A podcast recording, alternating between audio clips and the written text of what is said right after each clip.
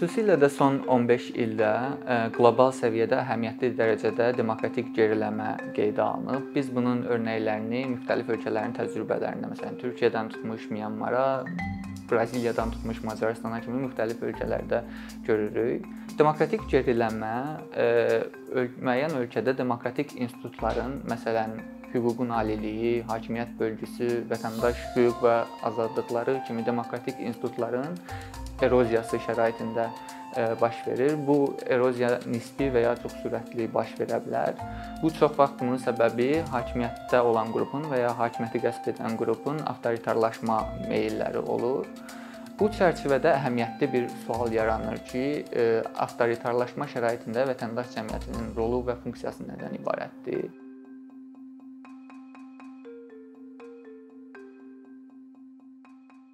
Ötən əsrin sonlarından bəri dünyada dominant olan bir yanaşma var ki, vətəndaş cəmiyyəti demokratikləşmənin, demokratik institutların aparıcı e, qüvvəsidir. Bəs onda avtoritarlaşma şəraitində sual yaranır ki, vətəndaş cəmiyyətinin rolu və funksiyası nədən ibarətdir və nə edə bilər vətəndaş cəmiyyəti? Təbii ki, buna universal bir cavab yoxdur. Hər ölkənin daxili sosial siyasi kontekstinə e, uyğun olaraq düşünmək daha məqsədə uyğun olar. Amma ümumi mülahizələr yeritmək üçün gəlin biz vətəndaş cəmiyyəti ilə bağlı ə, e, ümumi yanaşmalara və təsəvvürlərə nəzər salaq. Dünyada ə, e, vətəndaş cəmiyyəti quruculuğu prosesinin kökündə dayanan ideya odur ki, ə, e, hökumətin nəzarətindən və bazar münasibətindən, bazar münasibətlərindən kənarda yaranan vətəndaş birlikləri hansı ki, könüllü formada yaranırlar və özlərini idarə edirlər Bu birliklər öz maraqlarını, öz narahatlıqlarını dövlət-vətəndaş münasibətləri çərçivəsində ifadə eləyirlər və onlar ə, e, hakimiyyətin böyüməsinin, hakimiyyətin avtoritarlaşmasının ə, e, qarşısını alırlar. Buna buna imkan vermirlər və ə, e, avtoritarlaşmanın ə, deyək ki, önünü kəsməyə çalışırlar. Xüsusilə də 20-ci əsrin sonlarında dünyada bir demokratikləşmə dalğası baş verəndə, xüsusilə də məsələn Şərqi Avropada həmin vətəndaş birlikləri, vətəndaş qrupları totalitar rejimlərlə mübarizədə uğurlar qazandılar. Nəinki uğurlar qazandılar, həm də sonrakı dövrlərdə demokratik institutların quruculuğunda əhəmiyyətli rol oynadılar. Bu onu göstərirdi ki, könüllülük, sivillik və inam əsasında yaranan ictimai birliklər bu demokratikləşmə prosesində aparıcı qüvvəyə çevrilə bilərlər. Elə bu səbəbdən də ə, e, avtoritar ə, e, hökumətlərin seçdiyi ilk hədəflər elə ə, e, müstəqil vətəndaş cəmiyyətləri, cəmiyyəti qrupları olur.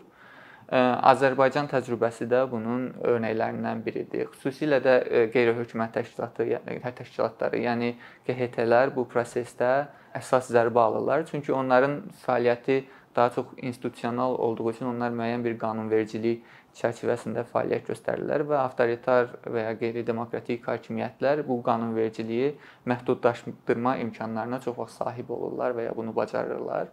Bu baxımdan ə, vətəndaş cəmiyyəti, xüsusilə də məsələn bizim örnəkdə o qədər zəifləyib ki, onların demokratikləşməyə töhfə imkanı olduqca məhdudlaşıb və bəlkə də hətta qeyri-mümkünə çevrilib. Çünki onların əsas məramı öz mövcudluqlarını qoruyub saxlamağa çevrilib. Bəs nə etməli? Mən düşünürəm ki, vətəndaş cəmiyyətinin kökündəki ideyaya qayıdış etmək lazımdır. Yəni başqa sözlə icmaya qayıdış etmək lazımdır. Yəni ümumilikdə bir yanaşma dəyişikliyinə ehtiyac var. Qurulmaqda olan, qurulmuş, yeni qurulan vətəndaş cəmiyyəti təşkilatları, eləcə də hazırki çətin şəraitdə deyək ki, fəaliyyət göstərən vətəndaş birlikləri özlərinə sual verməlidirlər ki, onların onlarla eyni dəyərlər ətrafında bir oraya araya ə, toplaşan icmaları varmı? Bu icma nə qədər böyükdür və ya ə, bu icmanı daha əlçatan edib daha da böyütmək üçün nələr etmək olar? Məsələn, könüllülüyün təbliğatı ilə könül əhəmiyyətli dərəcədə könüllülərin sayını artırmaq bu prosesdə olduqca çox kömək eləyə bilər və ya müxtəlif icmalar arasında əməkdaşlıqların yaranması bu prosesdə e, əhəmiyyətli rol oynaya bilər.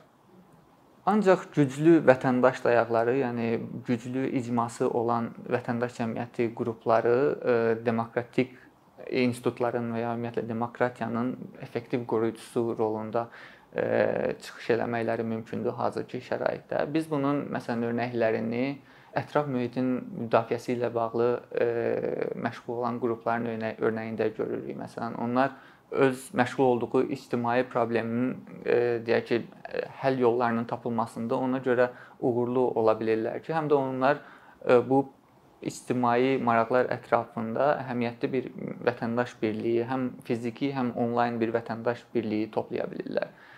Məsələn, e, konservativ qrupların hədəfinə çevrilsələr də, feministlər e, Azərbaycanda son illərdə qadın və bərabərlik məsələsini heç vaxt olmadığı qədər gündəmə gətirə biliblər. Ona görə ki, onlar icmalar formasında fəaliyyət götür göstərməyi e, bacarırlar. Məsələn, başqa örnəklər vermək olar ki, məsələn, müxtəlif peşə sahibləri və ya hüquqi pozulan şəxslər müəyyən bir qrup formalaşdırıb və birlik formalaşdırıb öz narahatlıqlarını və ya öz maraqlarını ifadə eləyəndə onların həll yolları tapmaq imkanları daha çox çoxalır, nəinki individual olaraq bu məsələləri e, qaldıranda. Bu həm də vətəndaş cəmiyyətinin daha sağlam əsaslarla yenidən formalaşmasına e, kömək eləyir. Ümumilikdə e, vətən müstəqil vətəndaş cəmiyyəti qrupları avtoritarlaşma prosesinin pasiv iştirakçısından demokratiya, sivil maraqların müdafiəçisinə çevrilmək istəyirsə, öz icmasını daha da böyütmək haqqında düşünməlidir və bunun yollarını axtarmağa başlamalıdır. Bir neçə ildir ki, əkinçi olaraq Azərbaycanlı izləyicilərin hər zaman faydalana biləcəyi keyfiyyətli və ən əsas ödənişsiz kontent hazırlamağa çalışırıq. İndiyədək təqdim etdiyimiz onlarla animasiya və yüzlərlə çəkilişlər tələbələrin, mütəxəssislərin, müəllimlərin və ümumiyyətlə yeni mövzulardan xəbərdar olmaq istəyən çox sayda insanın marağına səbəb olub.